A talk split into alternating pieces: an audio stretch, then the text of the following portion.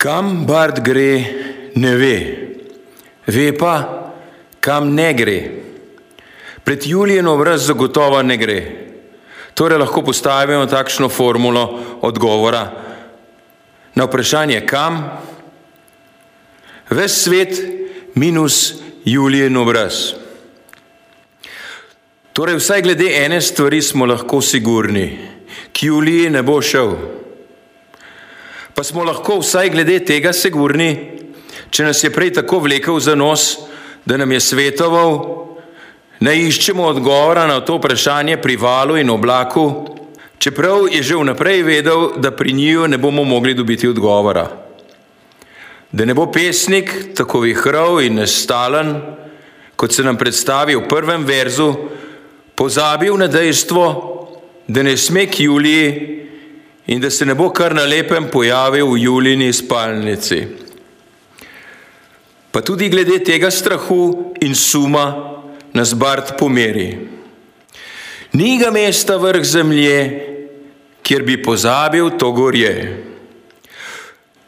Torej smo lahko sigurni, vsaj glede tega, da ne bo šel k Juliji. Če ni na svetu kraja, kjer bi lahko pozabil, da ne sme k Juliji, potem na to zagotovo ne bo pozabil, pa če je še tako vihrov. Tako lahko pesemsko sporočilo, ki v skladu s konceptom pesmi nič drugega ni kot odgovor na vprašanje, definiramo v naslovu, strnemo v kratek dvogovor. Spraševalec, kam? Pesnik, k Juliji, gotovo ne. Slika Mateuža Langusa je ohranila njene oči ki še zmeraj zmoremo zreti vanje v dvorani Ljubljanske narodne galerije. Vendar podrealizem s tem faktorjem ne more narediti nič drugega, kot da si obriše rit. Sestavljalci filozofskih slovarjev morajo in morajo ta primer citirati kot prvi empirični prikaz za kategorijo das Leidende, definirano v sedmi tezi o namenu podrealističnega manifesta. Skratka, podrealistični analitik se v dionizičnem transu, ki je v popolnem skladu z edino za podrealista dovoljeno zvrstjo tistega humorja, ki sledi iz superega, naenkrat zave, da je pot konotirajočega se subjekta, ki je hkrati pretarkistično izobražen klasičen filolog, dr. Juris ter združevalec domoljubja in erotike s pesniškimi ambicijami, popolnoma nevažna, ukolikor ne sega v tisto polje, ki ga ne osvetljuje vizionarna sla podrealističnega analitika. Po dokončani analizi postane pod realističnemu analitiku naenkrat jasno, da preširnove poti, ki se gibljajo v polju nesramno prilaščevalskega izenečevanja stvari zunanjega sveta s pesnikovimi notranjimi težavami in problemi in na tem prilaščevalskem izenečevanju temelji vsa preširnova metaforika, vsa tehnika njegovega pesnjenja, nimajo prav nobene zveze z željo po pesmih, ki si jih podrealistični analitik želi napisati. In prav v tem je skrivnost in najbolj podmukla prevara drugo internacionalno revizionističnega kvazi podrealizma da celo avtentičen, podrealističen analitik v divjaško igrivem ukvarjanju z imenovanimi historičnimi vrednostmi pride do tako intenzivne koncentracije na imenovane historične vrednosti, da naenkrat opazi, da je iz dionizično razbrzdanega humorja naenkrat izginila tista želja, s katero bi se podrealistični analitik kot subjekt zmogel aktivno konotirati, ne da bi, kot se navadno dogaja, že kot izdelano znamenje telebnil v tekst in njegovo zgodovinsko mrakobnost. Naj podrealistični analitik nikoli ne zapade revizionistični prevari, da je konstelacija teksta, v katero vstopa, z katerega koli vidika bolj prosta kot svet, v katerem podrealistični analitik biva. Kaj ti podrealistični analitik se mora z vsako besedo, ki jo natipka, na novo boriti za svobodo dihanja, in to je vsak trenutek na novo bitka na življenje in smrt. Pa ne gre samo za historično skrepenelost imen, gre tudi za takšne razmejitve, kot so naprimer metafizik, teoretik, slikar. Namreč, da se človekovo ekstatično konotirajočo se dejavnost utesni v profesije, ki zmorejo funkcionirati samo kot oblika družbene nadgradnje, ki je utujena oblika zavesti. In po vrhu še čutim, da celo člani CPO, centralnega podrealističnega odbora, zmorejo od časa do časa pasti v takšno zablodo in bojim se, da so celo na docela platonističen način zmožni predpisovati, kakšna naj bo slikarjeva aktivnost, kakšna naj bo teoretikova aktivnost, s čimer onemogočajo celo tisto, po čemer obesedovalna praksa in praksa vizualnih niti v trenutku tradicionalne umetnosti nista bili družbena nadgradnja. Glej, Pierre Francostel, La naissance de l'espace cubique. Podrealist, če iskra ugaša, začni takoj zbirati moči, da zanetiš novo iskro. Pogumno se prebijaj skozi zgodovinsko mrakobnost, ki puhti iz teksta. Celo iz teksta iz teksta, nič manj kot iz sveta, zasvinjanega od kapitala in od pervertiranja simbolnih vrednosti čutnih elementov, kar je ena od najhujših oblik zasuževanja in manipulacije. Kaj ti svet nam z usupljivo doslednostjo kaže, da poezija nima prav ničesar v zakupu. Pesnik sicer lahko napiše naprimer, pesem o policaju, v kateri policaja sicer občuduje, vendar tako, da mu pripisuje vrednosti, za katere je tako jasno, da jih pesnik odklanja. Iz tega se lahko izcimi šokantna ironija, vendar kaj pa takrat, ko krč smeha mine?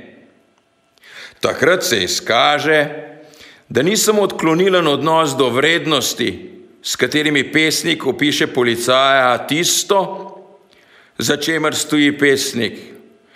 Pesnik stoji za vsemi besedami, za vso podobo. In v njeni kompleksnosti je mnogo več kot le tista plast, iz katere je razviden odklonilen odnos do tega, česar pesnik ne ljubi. To, kar preostane, pa samo potrjuje to, česar pesnik ne ljubi. Svet nam z usupljivo doslednostjo kaže, da poezija nima ničesar v zakupu, kajti pesnik zmeraj opaža, da to, kar upeva z ljubeznijo, svet uničuje. Torej, so tu kompromisi popolnoma odvečni, pa čeprav na nivoju humorja in satire. Imena niso vredna ljubezni, saj niso ne ljudje, ne živali. Grbi niso vredni ljubezni, saj niso ne ljudje, ne živali. Zastave niso vredne ljubezni, saj niso ne ljudje, ne živali. Besede niso vredne ljubezni, saj niso ne ljudje, ne živali. Kdor pa je žalosten, naj pošle soncu pozdrav. Ne ve se, ali je Juri s prijemkom Detela končal svoj akcijski program. Glede na to, da se mu ne da nadaljevati svojega spisa, je to treba zdaj razumeti kot kontinuum brez repa ali glave. Tudi je v naravi podrealizma, da je brez repa in glave. Tudi to je treba razumeti kot naravni pogoj podrealizma, biti brez repa in glave.